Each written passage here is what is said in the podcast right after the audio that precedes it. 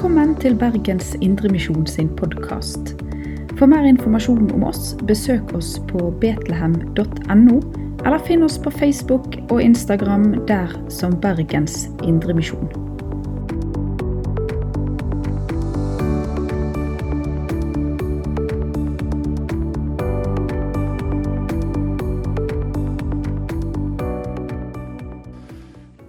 God søndag, alle sammen.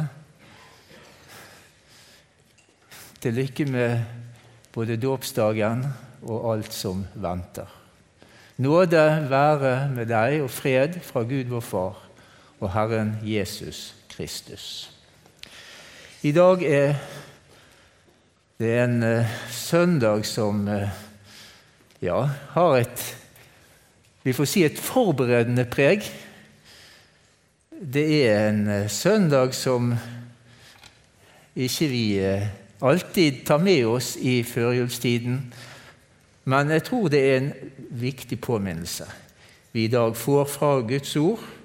Og jeg vil lese fra Lukas evangeliet kapittel 3, og da kan vi reise oss. Der står det skrevet mye folk dro ut for å bli døpt av Johannes, og han sa til dem, Ormeyngel, hvem har lært dere hvordan dere skal slippe unna den vreden som skal komme? Så bær da frukt som til, svarer til omvendelsen, og begynn ikke å si til dere selv, vi har Abraham til far. For jeg sier dere, Gud kan reise opp barn for Abraham av disse steinene. Øksen ligger allerede ved roten av trærne. Hvert tre som ikke bærer god frukt, blir hugget ned og kastet på ild. Hva skal vi da gjøre? spurte folk. Johannes svarte. Den som har to kjortler, skal dele med den som ikke har noen, og den som har mat, skal gjøre det samme. Det kom også noen tollere for å bli døpt, og de sa til ham, 'Mester, hva skal vi gjøre?' 'Krev ikke mer inn enn det som er fastsatt', svarte han. Også noen soldater spurte ham, 'Hva skal så vi gjøre?' Og han sa til dem, 'Press ikke penger av noen ved vold eller falske anklager, men nøy dere med, med lønnen deres.' Folket gikk nå med forventning, og alle tenkte i sitt stille sinn at Johannes kanskje var Messias. Da tok Johannes til orde og sa til dem alle.: Jeg døper dere med vann, men det kommer en som er sterkere enn jeg, og jeg er ikke verdig til å løse sandalremmen hans. Han skal døpe dere med Den hellige ånd og ild. Han har kasteskovl i hånden for å rense kornet på treskeplassen. Hveten skal han samle i låven sin, men agnene skal han brenne opp med en ild som aldri slukner. Dette og mye annet la han på folket på sinne da han forkynte budskapet for dem. Slik lyder Herrens ord.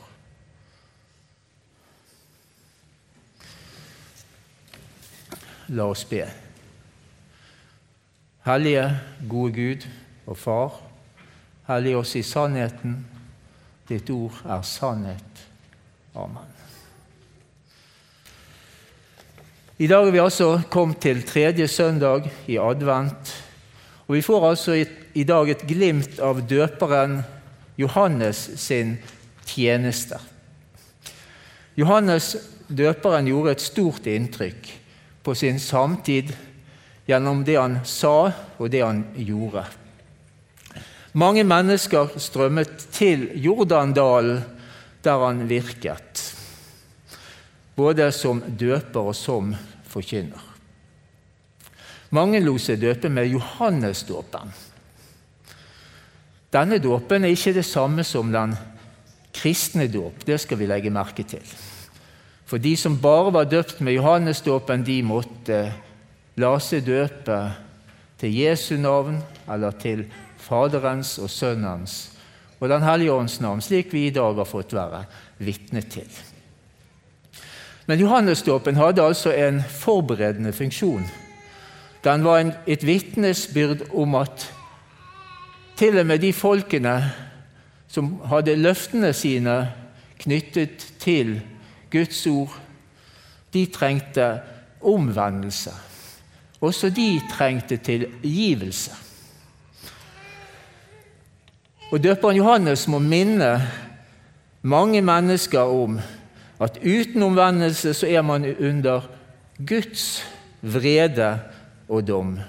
Og Vi leste at han sa ormeyngel. Hvem har lært dere hvordan dere skal slippe unna den vreden som skal komme? Johannes bruker sterke uttrykk for å vekke til erkjennelse, for å vekke til ettertanke.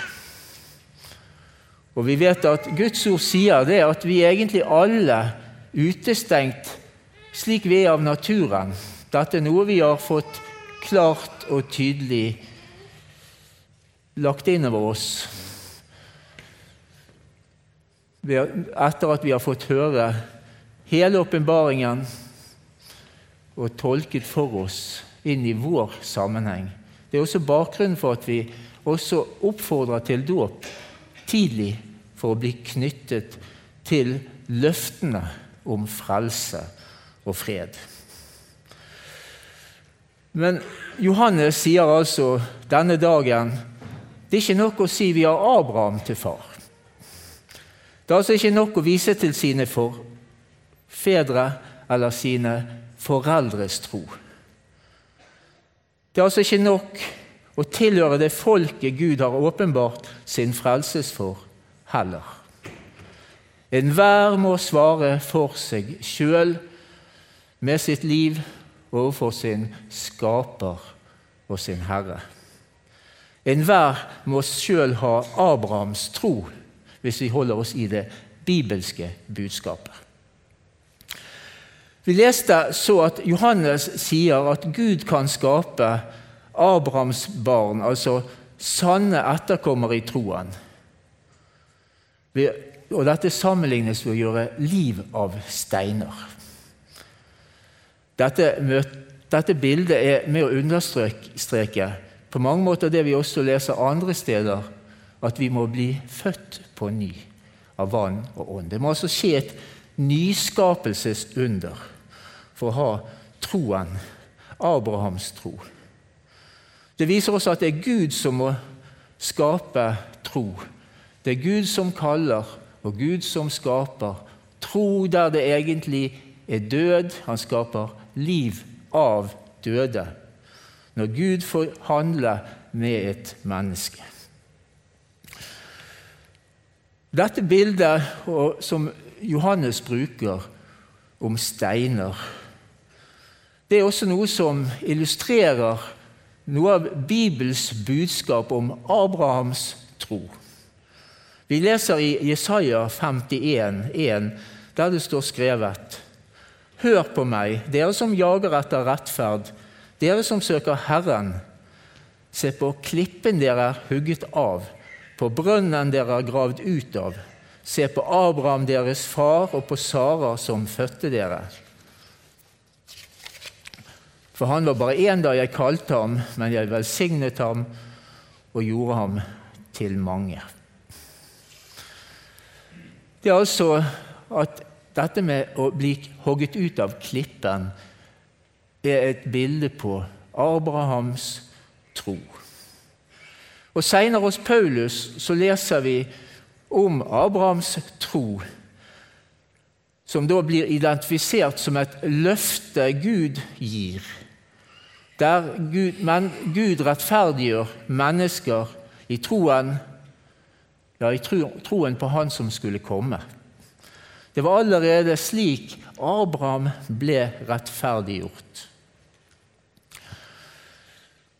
Nå vet vi at Jesus er allerede kommet, selv om vi minnes og skal påminnes også denne julen på at han blir født og lagt i en krybbe som en av de små, liksom et lite menneske. Kommer Gud inn i verden.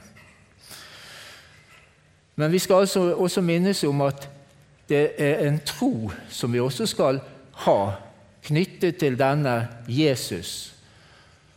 Denne klippen som troen hugges ut av. I Romerbrevet har vi lest litt allerede i forbindelse med dåpen.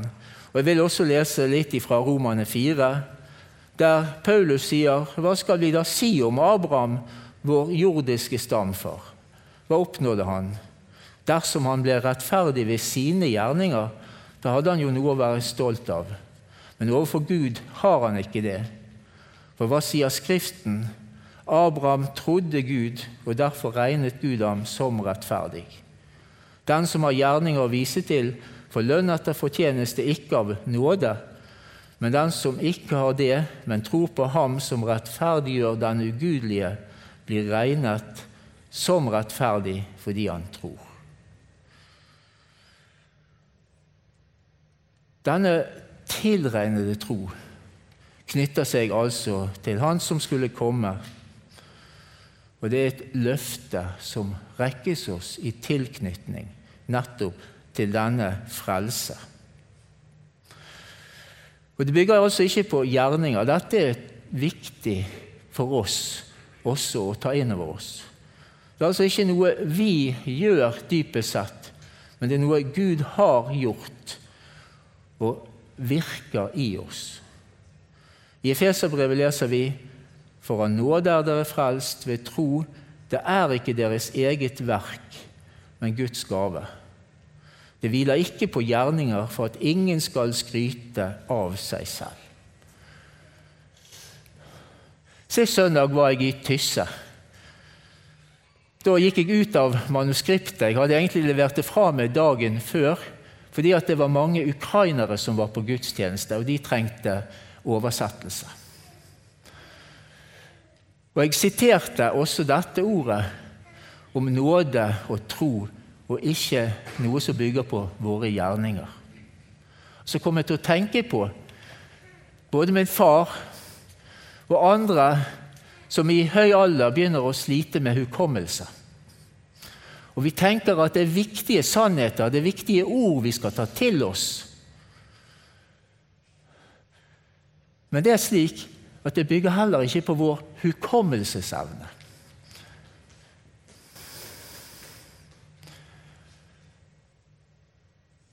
Vi har et annet vitnesbyrd fra Skriften som jeg kom til å tenke på, som jeg delte sist søndag, som jeg også vil dele med dere i dag.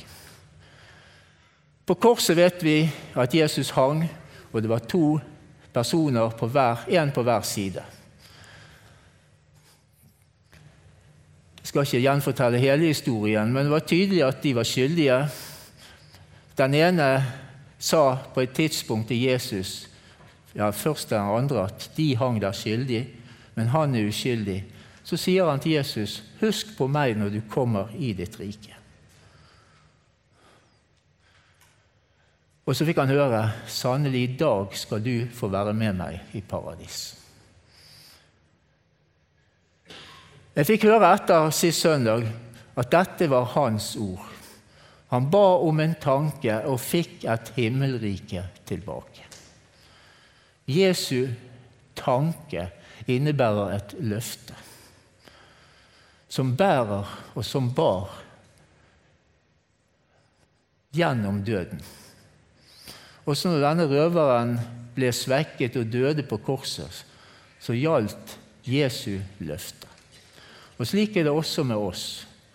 Det er dypest sett Guds løfter knyttet til Jesus som vi har fått hvile i og bli knyttet til, som skal bære oss helt fram og inn i den herlighet som Jesus har lovet å gi oss alle, alle vi som hører Jesus til. Det er et godt budskap. Det er det som vi kaller et evangelium. Det er noe som vi kan få lov å glede oss i og være takknemlige for. Det er altså et Guds verk ved Jesus og Hans ord alene. I dag så får vi altså høre om døperen. Han vil altså at folk skal vende om. at troen skal vise seg i frukt. Og I likhet med det vi har lest tidligere i høst fra Galaterbrevet, så omtales frukt også her av døperen i entall. Hos Johannes blir denne frukt også identifisert som god frukt. Og Vi kjenner til at Paulus i Galatane 5 sier åndens frukt er kjærlighet, glede og fred osv. Frukt, denne gode frukt, den virkes fram ved å være knyttet til et godt tre. I Bibelen har vi ulike bilder. Vi har både vintreet og greinene som uttrykker denne tilknytning ja, til Jesus, som er vintreet. Men vi har også et bilde om knyttet til andre trær, til oliventreet, der mennesker blir podet inn. Men poenget med frukt er altså at man være innpodet eller være knyttet til et tre som bærer frukt. Og så vet de som har drevet med frukttrær, at noen ganger må de renses for at de skal bære frukt, god frukt.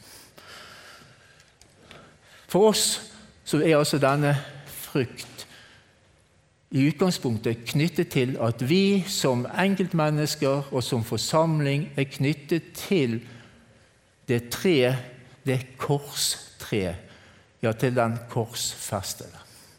Det er der den gode frukt strømmer ut til oss som tror, som har fått vår tilknytning, og som har tatt vår tilflukt til den korsfestede og oppstandende Jesus Kristus. Men det er altså en formaning i dag, i dagens tekst, om å bære god frukt. Omvendelsens rett og gode frukt. Og når mennesker kom til døperen Johannes og spurte hva skulle denne gode frukt bestå i, så ga han dem konkrete, enkle råd. Han sa at de som hadde rikelig av klær, og vi kan sikkert legge til mat, de skulle dele med de som ikke hadde disse helt nødvendige ting. På denne måten så vil Guds kjærlighet og nestekjærlighet vise seg i praksis. Og det er vi kalt til det er en god frykt. Og Guds kjærlighet, ja, den skal ikke bare vi vise, men den har sin utgangspunkt i at Gud er kjærlighet. Så god frukt er nettopp dette. Å vise omtanke og kjærlighet overfor din og min neste. Så var det også slik at det var mennesker som var mislikt, som sto i myndighetens tjeneste som tollere, og jeg var fristet til å si hva vil Jesus eller Johannes sagt om parkeringsvakter, men det skal ikke vi si så mye om. Men i alle fall, tollere de hadde i hvert fall ikke så godt ord på seg i sin samtid. Og De fikk visst ikke lov heller til å bære fram offer. Det var liksom sånn De måtte markere at dette var ikke helt slik man helst skulle tjenestegjøre. Men vi ser at Johannes sier til disse tollerne Slutt ikke. Nei, det er ikke det han sier. Han sier at dere skal ikke kreve inn mer enn det som er fastlagt. Og Det var nok en fristelse. I det yrket, og det er sikkert slik i noen av våre yrker òg, at vi misbruker den tillit som man har fått tildelt. Men de skulle altså ikke ta og kreve mer enn det de var satt til å gjøre. Så har vi også noen Det var en tredje gruppe, soldater, som vi også leste om, sannsynligvis i tjeneste for Herodes Antipas. De fikk høre at de skulle ikke presse penger ut av noen. Og det var slik at lønnen var liten, så det var nok fristende. Men det sier oss at det ikke er galt. Det var ikke galt å tjenestegjøre som soldat. Og vi kan også tenke at vi kan se i dette at det ikke er galt å bære våpen. Det er altså myndighetstjenester som er nødvendige, som var nødvendige, som mennesker skal kunne få lov å gjøre med god samvittighet, så lenge man ikke misbruker den tillit og stilling man har fått. Døperen Johannes tjeneste. Hans forkynnelse, og vi får legge til visdom, gjorde at noen begynte å tenke at kanskje han er Messias. Den salvede som mange ventet på skulle komme. Men sjøl var Johannes klar på at han, han var døper og veirydder for den som skulle komme, den sterke. Og Han identifiserer seg sjøl med det som står skrevet i Jesaja 40. En røst roper, rydd vei i ørken, jevn ut en vei i ødemarken for vår Gud. Og Dette er også noe Jesus bekrefter om Johannes sin tjeneste som veirydder for han som skulle komme. Døperen Johannes setter seg sjøl lavt. Han sier til og med at han ikke engang er verdig å løse sandalremmen for Messias, han som snart altså skulle vise seg for dem. Og Vi kan legge merke til at tjenere ja, de var fritatt for dette, denne type arbeid. Og Johannes sier med dette egentlig at han setter seg lavere enn slaver overfor sin herre. Men gjennom sin tjeneste og vitnesbyrd så er altså denne døperen Johannes en røst som peker på Jesus med hele sitt liv, med sin tale og sin døpervirksomhet. Og så taler han om Messias med disse ordene. Han skulle døpe med Den hellige ånd og ild. Ja, vi har flere slike sitater fra Johannes, der han også sier til Jesus når han trer fram for døperen Han peker på han og sier 'Se Guds lam som bærer bort verdens synd'. Og Dette er altså slik vår Messias kom og skulle komme.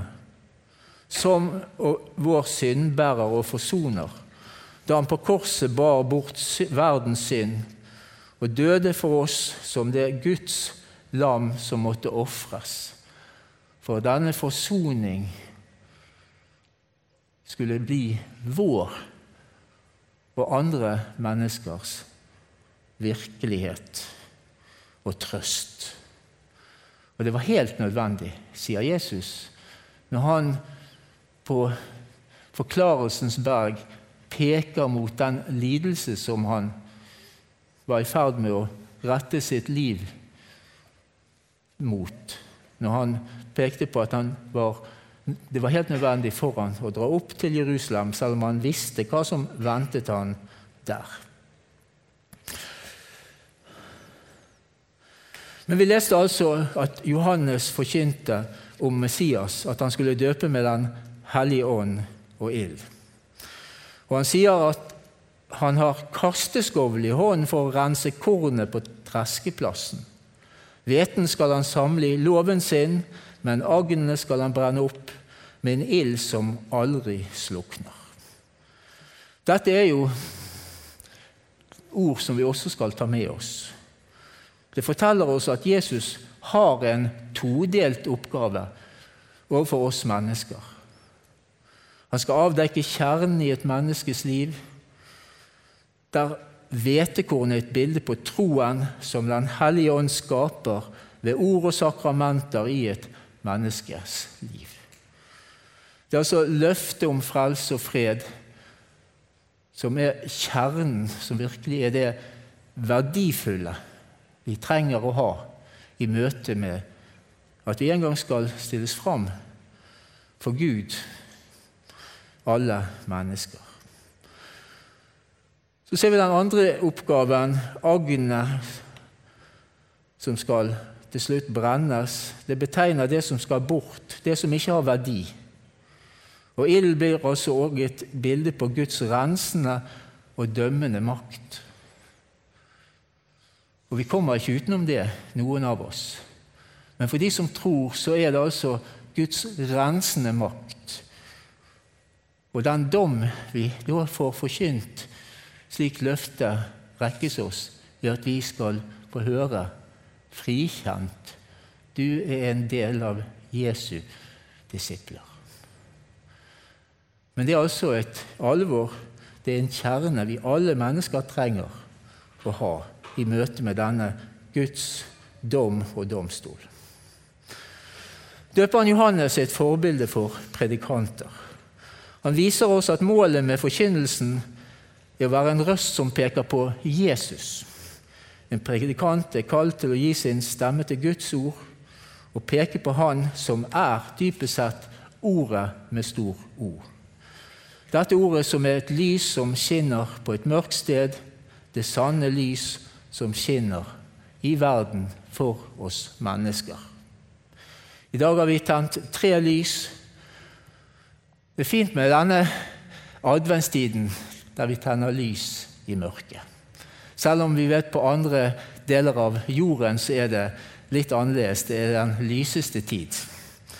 Men vi kan jo selvfølgelig også tenke at det er også en lys tid når vi får feire jul med nettopp dette barnet i sentrum. Adventstiden Vi teller på en måte ned i løpet av fire søndager fram mot jul. Så er denne adventstiden på ulike måter en påminnelse til oss om å være rett forberedt. Slik at vi kan ta imot Han som kommer, med glede. Ved å gi Jesus og ordet hans rom i tiden skal vi kunne møte Han som kom, og som skal komme igjen, med forventning og glede, ja, for herligheten, den tar ikke slutt. Det er altså for evigheten vi skal få oppleve denne framtid, denne lyse framtid. Helt til slutt, vi nærmer oss jul, så kan vi spørre er det mulig å gi denne plass i vårt hjerte. Vi tenker kanskje at det er så mye annet der. I julen så blir vi minnet om at det var ikke plass for Jesus i herberget, kanskje det var gjesterommet. Men de hadde et rom. Han lot seg føde i en stall der det sikkert var både skittent og trangt, og sikkert ikke bare god lukt. Jesus trenger bare adgang. Og Det er kanskje nettopp der han også må la seg føde i våre liv. Det er at Vi ser at vi trenger Jesus at vi trenger en nådig Gud. at vi trenger en tilgivende Gud som Jesus vil gi oss, og som Gud vil gi oss ved Jesus. Jesus behøver bare adgang. Det er også godt å vite. Så lenge det er rom for Jesus, selv om det ikke er opprustet på forhånd, slik en sa en gang Det var ikke sånn at de drev med oppussing før Jesus kom han kom, der det var plass. Og Så fikk han ta bolig blant dyrene og ble lagt i et, en krybbe i et matfat der dyrene spiste. Og Så kan vi også bli minnet litt om at han ble født i brødhuset, at også i nattværen så lar Jesus seg finne. Men vi har altså fått et løfte ved Jesus Kristus, vår Frelser og Herre.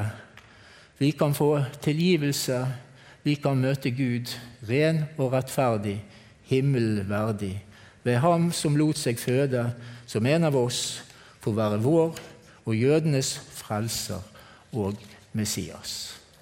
Ære for Faderen og Sønnen og Den hellige ånd. Fortsatt god adventstid. Du har lytta til Bergens Indremisjon sin podkast.